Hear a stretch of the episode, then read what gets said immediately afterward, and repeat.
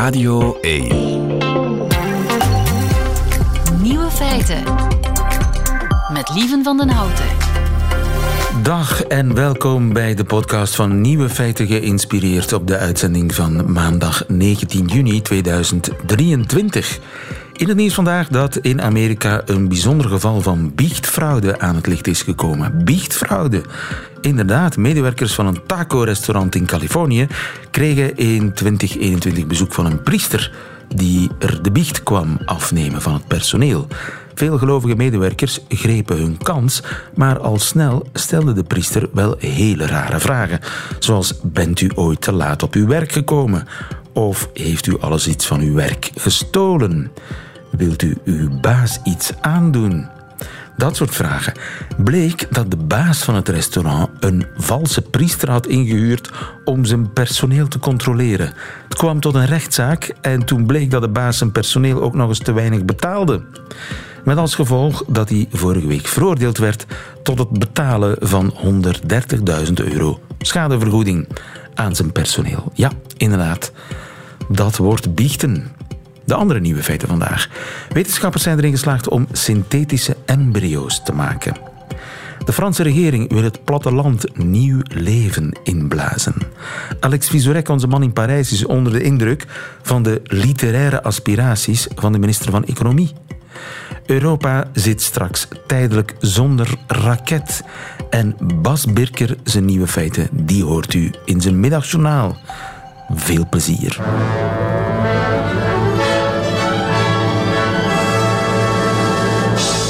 Nieuwe feiten. De Ariane gaat met pensioen en dan zit Europa zonder raket. Stijn Ilsen, goedemiddag. Goedemiddag. Onze ruimtevaartingenieur. Ja, binnenkort lanceert de Europese ruimtevaartorganisatie ESA de laatste Ariane.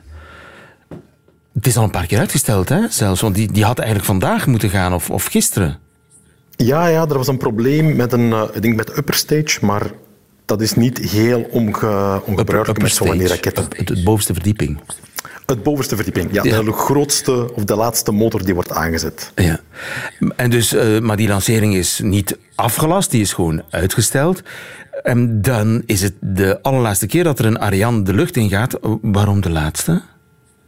Wel, er is een nieuwe, de Ariane 6. Dus dit was de Ariane 5 en die is de opvolger van de Ariane 4. En zo is er een evolutie. Op een gegeven moment moet je zeggen van oké, we gaan geen Ariane 5's meer bouwen, want die Ariane 6 die komt eraan.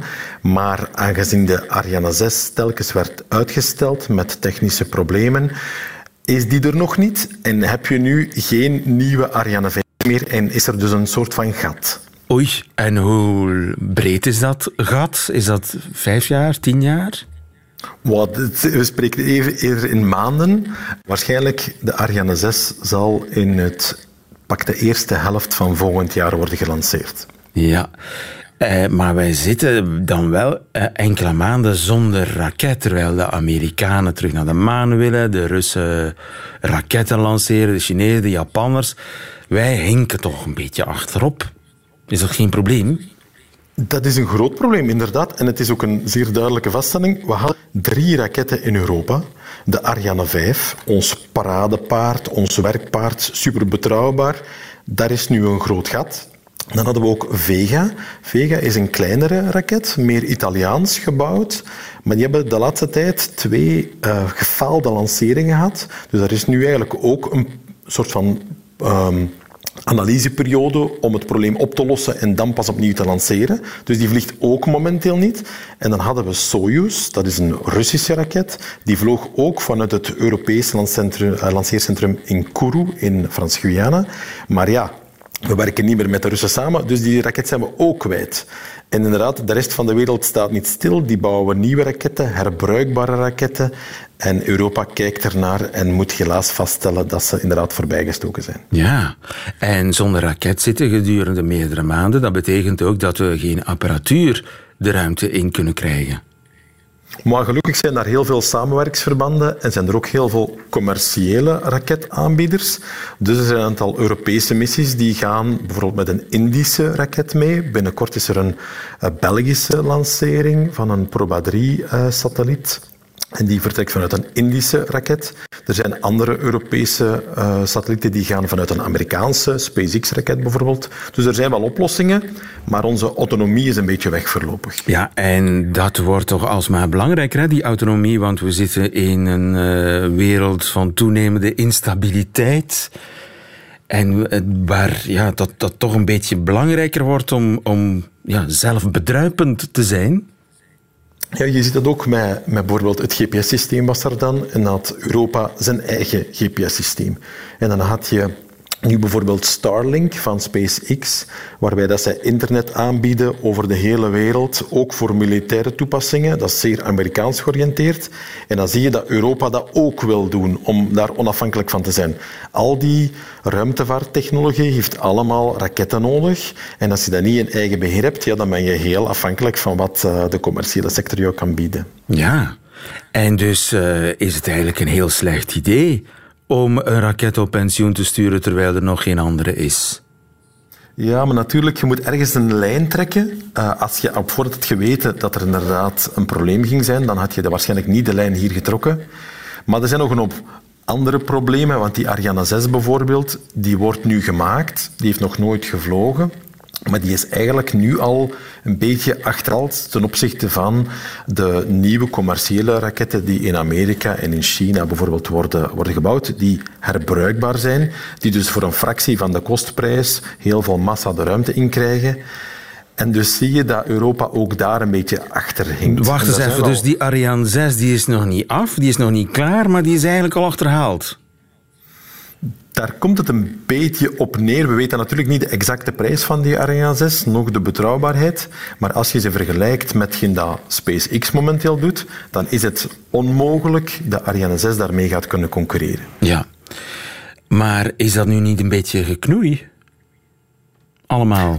Dat is in Europa natuurlijk. Dat is allemaal uh, overheidsgeld dat daarover wordt gebruikt. De Ariane 6 is ongeveer tien jaar geleden begonnen met de ontwikkeling. En met de technologie van toen leek dat de perfecte doorontwikkeling van Ariane 5 naar Ariane 6. Maar ondertussen zie je natuurlijk dat er heel veel bedrijven andere dingen doen, innovatievere dingen doen. En met overheidsgeld is het soms moeilijk om die innovatie mee te volgen en ben je eerder geneigd om eh, ja, conventionele technologie te gebruiken die al bruikbaar is en die niet veel risico's heeft. Terwijl bedrijven die gaan resoluut voor innovatie en die nemen meer risico en die komen er dus beter uit. Dus misschien toch tijd voor een soort van uh, ja, zelfonderzoek van de Europese ruimtevaartorganisatie. Dat gaat zeker gebeuren. Ze zijn er ook mee bezig. Maar uh, een keer zelfreflectie om te zien wat hebben we nu uh, en hoe kunnen we dat verbeteren. Maar je ziet ook wel dat binnen Europa een aantal bedrijven zich een beetje loskoppelen en dat die zelf kleinere raketten beginnen ontwikkelen, zodat ook naast de Arianes, de hele grote Europese raketten, dat er veel kleinere Europese raketten bij komen die, die zeker dat gat gaan proberen te vullen. Helder, dankjewel Stijn Ilsen. Goedemiddag. Dankjewel. Nieuwe feiten. Coucou de France. Met Alex Visorek. Ook enigszins met gekoeld hoofd vanuit eh, Parijs. Onze man in Frankrijk, Alex Visorek. Goedemiddag. Goedemiddag, lieven. Ja, Frankrijk is niet alleen maar het land van de spannende politiek. Het is ook het land van de literatuur. Bien sûr. En, bien sûr, Bien sûr, la literatuur. en die twee werelden uh, zitten niet ver van elkaar, want de literaire sensatie van de laatste maanden in Frankrijk is te danken aan de minister van Economie, Bruno Le Maire. Mm -hmm. Enkele maanden geleden, een of een anderhalve maand, uh, heeft hij een roman gepubliceerd. Een roman met een heel opmerkelijke erotische scène. Elle me tournait le dos, elle se jetait sur le lit, elle me montrait le renflement brun de son anus. Tu viens, Oscar, je suis dilatée comme jamais. Jeetje. Voilà. Ja, nu moet jij uh, dat vertalen. Moet ik dat, dat moet ik dat vertalen? Elle me tournait le dos. Voilà. Elle se jetait sur le lit. Dat, dat, uh, ze draaide me de rug toe, ze wierp zich op bed. Ja. Voilà. Elle ja. me montrait le renflement brun de son anus. Ja. Renflement, uh, de, de, de, renflement, uitstoot uitstulping? Misschien, ja. Bobbel? Mis, ja. Het is te, te vroeg. Zulke woorden. Tu viens. Oscar. Oui. Je, je suis dilaté. Dilaté is, eh, is o- o- Open open, ja. Ja. Comme jamais. Voilà, bon appétit à tous. Jeetje.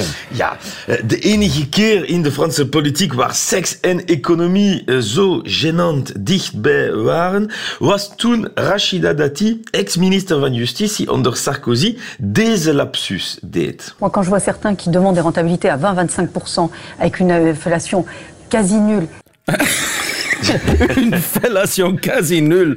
Rendementen van 20 tot 25 procent met een, ja... Inflatie bedoelt ze waarschijnlijk Ja, eh, van quasi nul in plaats van een fellatie. Inflation, fellation, dat is niet fair in het Frans. Ja. Eh, Over Bruno Le Maire valt er dus veel te vertellen. Eh, eerst een minister die roman schrijft, dat is eigenlijk in Frankrijk niet zo bijzonder. Eh, Integendeel, eh, het is bijna zelf een traditie. Franse ministers schrijven graag romans. Worden ze gelezen? Bah, dat is een andere vraag. De toen-minister Marlène Schiappa schreef in 2021, eh, twee jaar geleden, haar tiende boek in vijf jaar ministerschap, Sa façon d'être à moi. Seulement les chiffres sont tombés et Marlène Schiappa a vendu non pas 20 000 exemplaires de sa façon d'être à moi, ni 10 000, même pas 100, non, 64. 64 verkochte exemplaren. 64. Dat is niet fair, hè? Nee. Eh, nee, dus ze verkopen niet goed, eh, tenzij ze pikante scènes bevatten. eh, en Franse politici die erotische fictie schrijven, dat ook is eigenlijk niet zo bijzonder. Ex-president Valéry Giscard d'Estaing, VGE, zelfs toonde het voorbeeld in 2009 met zijn roman La princesse et le président. Het verhaal van een Franse president eh, die een losbandige relatie heeft met een heel mediatieke Britse prinses die ongelukkig was in haar huwelijk. Elke gelijkenis met echte figuren is puur toeval, maar zo ontstonden geruchten dat Giscard een relatie met Lady Diana had gehad. Ja, het is eh, dus niet abnormaal dat minister romans schrijven, eventueel met erotische stukjes. En het is een reden waarover Emmanuel Macron al een paar keer boos is geworden, want ministers die boeken schrijven, dat doet denken dat ze niks beter te doen hebben. Ja, en de roman van Bruno Le Maire is zeker een druppel die de emmer doet overlopen, vooral in de context dat je kent. Frankrijk is al maanden in crisis rond de pensioenhervorming. Vele Fransen hebben het moeilijk. De inflatie, niet de fellatie, breekt record na record. En bijna precies op het moment waarop ratingbureau Fitch eh, de kredietwaardigheid van Frankrijk verlaagt, publiceert de minister van Economie een roman met renflement brun. Macron is dus weer boos geworden en de collega's van de regering deden hun best om het thema te vermijden. Est-ce que vous avez lu le roman de Bruno Le Maire Je l'ai acheté, mais j'ai pas eu le temps de le commencer. Ah, ik heb hem gekocht, maar helaas nog geen tijd gehad om hem te lezen. Ja, niemand van de regering had het gelezen. Maar als er een schandaal is in de Franse politiek, weet je wie er ook zal vermeld worden? Imagine-t-on le renflement brun du général de Gaulle Voilà. Hij komt altijd terug, le général. Wie zou zich de bruine bobbel van generaal de Gaulle kunnen inbeelden? Eh, ik denk niet dat eh, Charles de Gaulle deze vraag had zien komen. En de woorden renflement brun en dilaté comme jamais zijn nu politieke wapens. Vorige keer had ik het over les casserolades. Eh, Fransen die protesteren eh, tegen de regering door heel veel lawaai te maken met keukenpotten bij elke verplaatsing van een minister. Hoor hoe Bruno Le Maire eh, tegenwoordig verwelkomd wordt. Dilaté comme jamais, dilaté comme jamais, oei, dilaté comme jamais. Oei, oei, oei. Zijn zin en de casserolade. En luister bijvoorbeeld hoe klimaatexpert, een heel serieuze mens, Jean-Marc Jancovici, zijn kritiek tegen Le Maire. Uitte in de ochtendshow van de openbare radio France Inter. Een paar weken geleden. Écoutez, si Monsieur le maire accordait un peu plus de temps aux limites physiques qu'au renflement brun, euh, eh bien, euh, oui. C'est une citation littéraire de son dernier livre. Ja, monsieur le maire zou beter meer belang hechten aan de grenzen van de natuur dan aan bruine bobbels. Ja, soms wordt de vraag gesteld als fictie eh, een impact op de politiek kan hebben. Als de fictie door een politicus geschreven is, kan het zeker. Eh, dus voilà, de zomer nadert. En als je boekentips zoekt op het strand om te lezen, kan je altijd op de Franse politiek rekenen. Want ja, zelfs ik ga al met vakantie. Dit was mijn laatste stuk van het seizoen. Bedankt aan de luisteraars van Radio 1 voor hun aandacht en zeker hun geduld met mijn Nederlands. Bedankt aan de redactie van Nieuwe Feiten en aan jou, lieven, om mij elke keer zo enthousiast te ontvangen. En ik wil ook mijn co-auteur Julien de Marge bedanken. Bedankt aan zijn Vlaamse vrouw Anna en zijn schoonvader Patrick, die onze teksten eh, leest om onze foutjes proberen te beperken. Dus voilà. En misschien tot september. Tot zeker en vast, tot Ah, september. Eh, Geniet van je vakantie, Alex Vizorek, met of zonder renflement brun. Bedankt. Radio 1. Nieuwe feiten. Wetenschappers zijn erin geslaagd om een synthetische menselijke embryo te maken. Een mini-mensje zonder eicel of zaadcel. Erik Vrij, goedemiddag. Goedemiddag. U, bent, eh, u werkt van de, op de Universiteit van Maastricht. En zelf heeft u ook al synthetische muizenembryo's gemaakt, geloof ik, hè? Eh, dat klopt, dat is enkele jaren geleden. Eh, in 2018 hebben we dat gepubliceerd. Ehm, dat zijn inderdaad synthetische embryo's. Het zijn geen natuurlijke embryo's. maar ze lijken sterk op een echt embryo. Dus dat was van de muis inderdaad. En ze zijn gemaakt uit stamcellen. Dat klopt. En nu zijn Britse en Amerikaanse eigenlijk- onderzoekers erin geslaagd om menselijke embryootjes, hele kleine embryootjes weliswaar, te maken uit stamcellen. Is dat de eerste keer dat het met menselijk materiaal gebeurt? Dit is niet de eerste keer. Eh, twee jaar geleden is ook al laten zien dat uit menselijke stamcellen ook al embryo-achtige structuurtjes gevormd kunnen worden.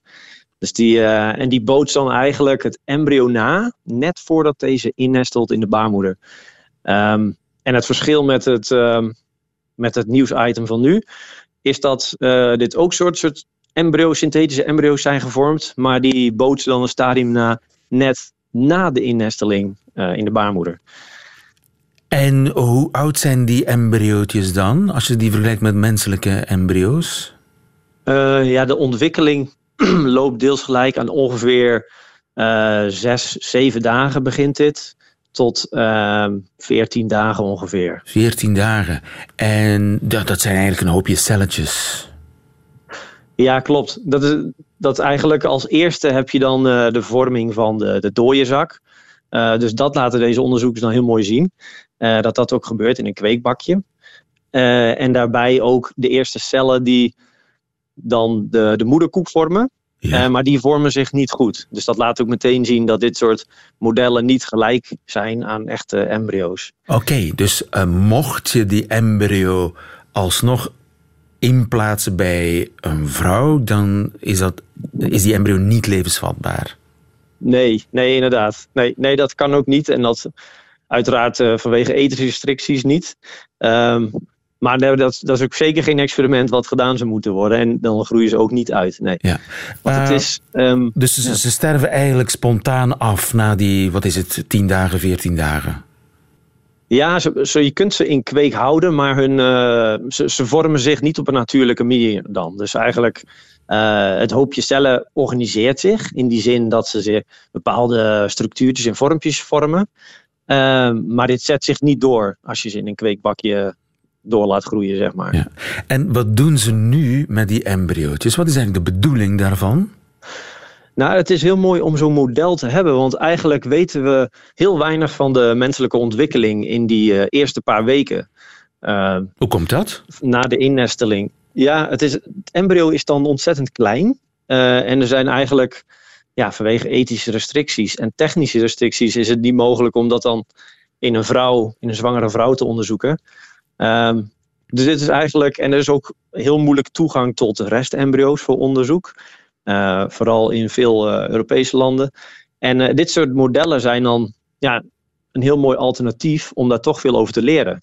dus eigenlijk die, ja, die black box te openen. Juist, en waar zou je dan bijvoorbeeld veel over kunnen leren? Is dat over genetische aandoeningen die dan duidelijk worden? Bijvoorbeeld, inderdaad, wat, voor een, uh, ja, wat de basis is van bepaalde genetische afwijkingen, ja, hoe die zich uh, manifesteren al vroeg in de embryonale ontwikkeling. Dat is één mogelijkheid. Ook een uh, belangrijke toepassing is um, ja, het ontdekken, eigenlijk het vinden van nieuwe vruchtbaarheidsbehandelingen. Want vaak gaat het ook in het eerste stadium mis met de natuurlijke embryo-ontwikkeling. En we weten niet waaraan dat ligt. En, en met dit soort modelletjes kun je dat dus gaan onderzoeken in een kweekbakje. Ja. Um, dus je kunt natuurlijk heel veel onderzoek doen dat je anders niet kunt doen eh, bij een, een echte embryo in die eerste, de eerste dagen eh, van, na de conceptie, zeg maar. Um, tegelijkertijd zijn er natuurlijk veel mensen die, die hier bang van worden. Hè? Want uh, ja, als, als het zo doorgaat, komt er ooit een synthetische mens ter wereld. Vroeg of laat. Ja, dat is de vraag inderdaad. Dus momenteel zijn ze niet gelijk aan echte embryo's. Dus zeker niet, uh, het zijn zeker geen echte embryo's. Uh, maar de ontwikkelingen gaan momenteel wel heel snel in dit veld. Dus het is belangrijk om dat uh, ja, goed in de gaten te houden. De potentie van dit soort structuurtjes. Um, vooralsnog, die muizenembryo's, die wij dus, waarvan we dus ook een publicatie hadden vijf jaar geleden. Die kunnen zich ook nog niet tot een muis vormen. Dus wat dat betreft is er nu nog geen uh, urgentie op dat vlak. Ja. Maar we zullen wel moeten nadenken over alle ja, ethische consequenties van dit soort onderzoek en ja, wettelijke consequenties. Want ik hoor u zeggen, het is vooralsnog niet toegelaten, wettelijk niet toegelaten om zo'n synthetische embryo ook daadwerkelijk in te planten. Nee, en dat willen we ook helemaal niet. Want het is puur een model voor onderzoek in een kweekbakje. Dus het is zeker geen alternatief voor, uh, voor de ontwikkeling uh, van, van een kind. Uh, Absoluut niet. Dus het is echt puur voor onderzoek, dit soort modelletjes. Maar in de, de verre, verre toekomst zal het misschien ooit mogelijk zijn om ja, een mens te maken uit, uit een stamcel. Dus dat iemand gewoon, dat ik bij wijze, bij wijze van spreken zelf een babytje kan maken. Um, ja, in principe, we weten niet of daar een bepaalde technische barrière is die we niet kennen en dus ook niet kunnen overkomen. Dus dat is in de vraag, maar je, uh, je kunt het ook, zeker ook niet uitsluiten, nee. Um, want in principe hebben er stamcellen, en dan embryonale stamcellen specifiek, hebben de potentie om ja, tot, tot alle lichaamsweefsels uit te groeien. En zelfs die van de moederkoek en de, en de dooienzak bijvoorbeeld. Dus de organen die we al verloren hebben inmiddels. Um, dus ja, dat, dat is inderdaad niet uit te sluiten, nee.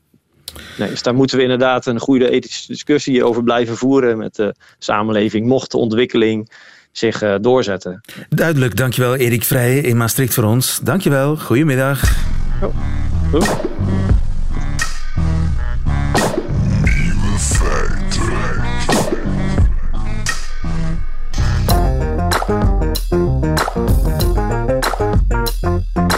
Alles begint bij luisteren. Ja, rare jingle, het is modern. De Franse regering plan platteland weer premier Elisabeth Borne. Aujourd'hui, avec vous, c'est une élue de la campagne normande qui vous le dit, le renouveau de nos ruralités s'accélère. Les ruralités ont tout pour réussir et ensemble, avec France Ruralité, nous y parviendrons. Vive la République, vive la France. Voilà. Premier Borne van uh, Frankrijk wil het Franse platteland weer uh, nieuw leven inblazen. Jolien de Bouw, goedemiddag. Goedemiddag. Onze vrouw in Frankrijk, is het zo erg?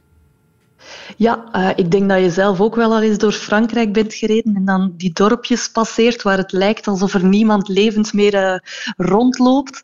Uh, er zijn inderdaad echt wel van die stukken van Frankrijk op het platteland die helemaal leeggelopen zijn, hè, quasi helemaal leeggelopen. En dat willen zij eigenlijk een beetje tegengaan door het terug leefbaar te maken. Ook proberen de jongeren vooral dan daar te houden. En wat is het grootste probleem? Geen winkels, geen bussen of geen werk?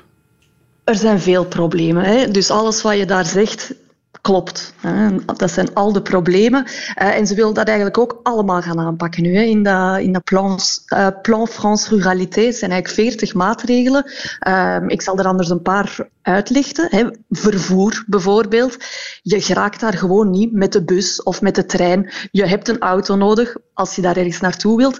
Plus, de afstanden zijn dan ook allemaal zeer groot. Hè. Leven zonder een auto is. Hè. De, en die afhankelijkheid van de auto, dat kost niet alleen veel geld, maar dat is ook is heel symbolisch geworden. Hè. Het is een problematiek die we allemaal kennen sinds de gele hesjes. En dat was een beetje vuur aan de lont, die, die auto. Um, en als de regering nu dan afkomt vaak met alternatieven waarmee dat ze de auto proberen te, te vervangen in het kader van het milieu, dan voelen die, um, die plattelandsbewoners zich heel vaak geviseerd als wij zijn de slechterikken met onze oude vervuilende auto's. Um, en daarvoor wil de regering dus bijvoorbeeld nu 90 miljoen euro geven aan gemeenten die op een of andere manier uh, innovatieve vervoersdiensten gaan uitrollen om mensen minder afhankelijk te maken van hun auto. Ja. Wat die innovatieve diensten dan gaan zijn, dat is nog heel vaag. Um, maar bon, dat is dus één punt. De, de auto een beetje vervangen en zorgen dat de mensen daar niet meer zo afhankelijk van zijn. Een ander probleem, zoals je zei, winkels. Er zijn heel veel gemeenten waar geen enkele winkel meer is, geen buurtwinkel.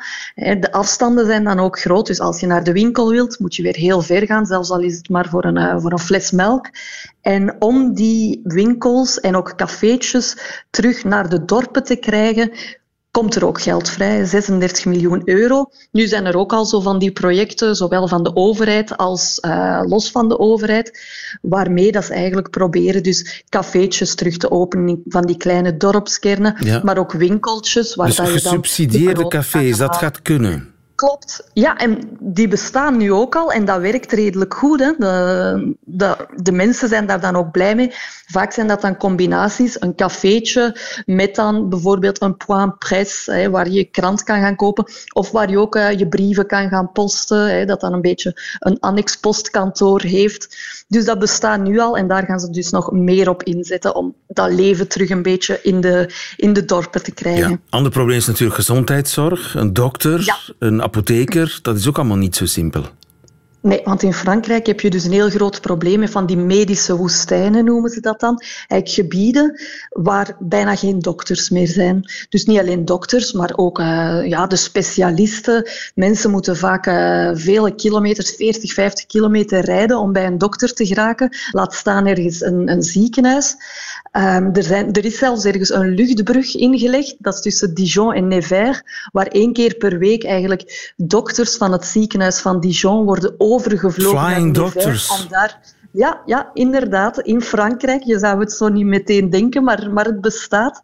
En nu willen ze eigenlijk op korte termijn al ook bussen, doktersbussen, les medicobus gaan ze die dan noemen, inleggen. Hè, waar dan specialisten zoals gynaecologen mee gaan rondrijden door die medische woestijnen. Om daar de mensen dus ter plaatse te gaan bezoeken. En zo willen ze honderd bussen laten rondrijden, rondrijden door het Franse platteland. Ja, maar honderd bussen en hier en daar uh, een paar tientallen miljoenen. Ja, het, het, het, is natuurlijk veel geld, maar uh, Frankrijk is ook een gigantisch land. Uh, zal dat, is dat geen druppel op een hete plaat?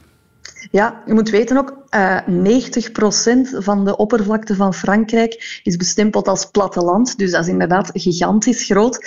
Uh, en het zijn ook zeer eh, symbolische maatregelen. Hè. De regering wil hier echt tonen van kijk, wij begrijpen het, wij willen dat alle Fransen dezelfde kansen krijgen. Wij hebben de gele hesjes hun, uh, hun eisen ook gehoord. Um, dus het is heel symbolisch, maar er moet natuurlijk wel iets gedaan worden. En de eerste retours die je hoort van de, de rurale burgemeesters, die zijn toch wel tevreden met dit plan. En zij hopen dus dat het ook uh, wat, wat gaat helpen. Hè.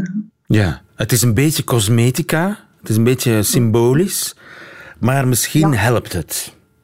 Misschien helpt het. En het is ook vooral een, een teken van, kijk, wij, wij horen jullie wel en wij willen ook wel iets doen. De Franse regering probeert het uh, Franse platteland weer leuk en leefbaar te maken. Benieuwd of dat zal lukken. Jolien de Bouw, dankjewel. Goedemiddag. Nieuwe feiten. Radio 1. Ziezo, dat waren ze, de nieuwe feiten van vandaag, 19 juni 2023. Alleen nog die van comedian Bas Birker. Die hoort u in zijn middagjournaal. Nieuwe feiten. Middagjournaal.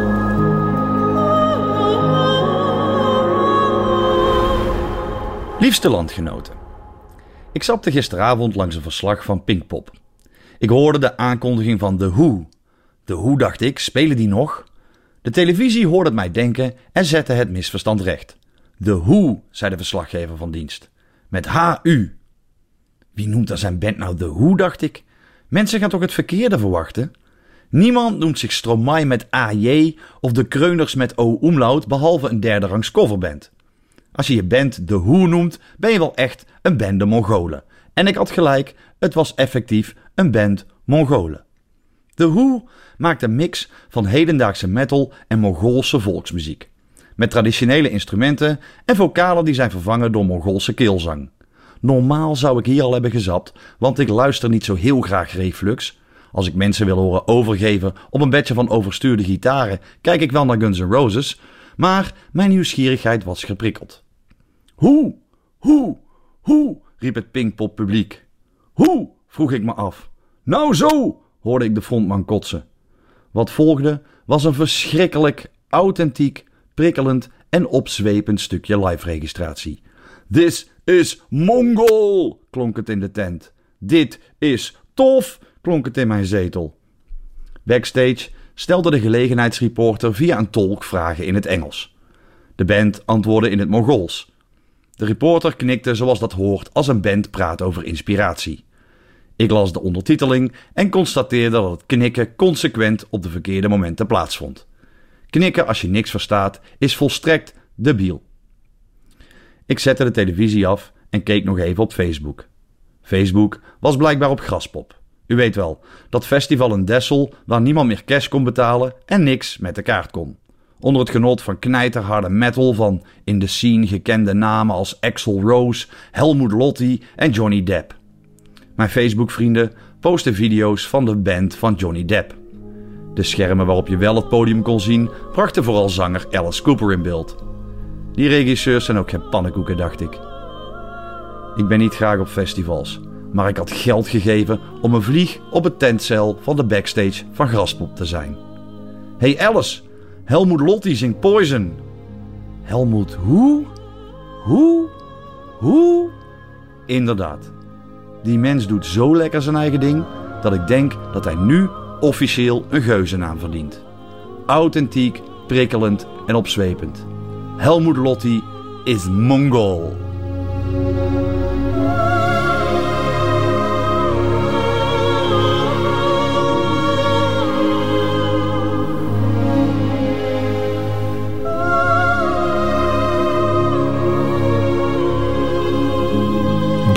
Birker in het Middagjournaal. Waarvoor heel veel dank. Einde van deze podcast. Hoort u liever de volledige uitzending van Nieuwe Feiten met de muziek erbij? Dat kan natuurlijk elke werkdag live tussen 12 en 1 op Radio 1 of on demand via de Radio 1 app of website. Tot een volgende keer.